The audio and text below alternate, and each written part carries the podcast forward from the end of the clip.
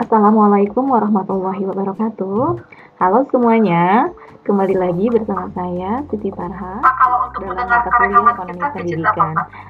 Nah, ekonomi pendidikan merupakan salah satu ilmu yang termasuk dalam applied economics di mana untuk bisa memahami dengan baik diharuskan untuk terlebih dahulu memahami ilmu dasar dalam bidang ekonomi seperti teori mikro dan teori makro. Nah, pada intinya Ekonomi pendidikan merupakan suatu ilmu yang mengkaji aspek pendidikan dari sudut pandang ekonomi.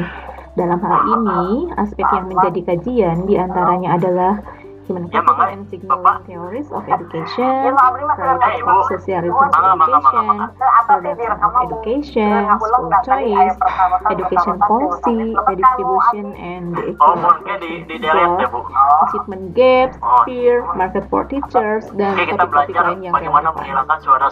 Secara garis besar, topik-topik tersebut dapat dianalisis dari sisi mikro ataupun makro. Selain itu, dalam konteks tersebut kita dapat melakukan pendekatan dari dua sisi, yaitu sisi demand dan supply.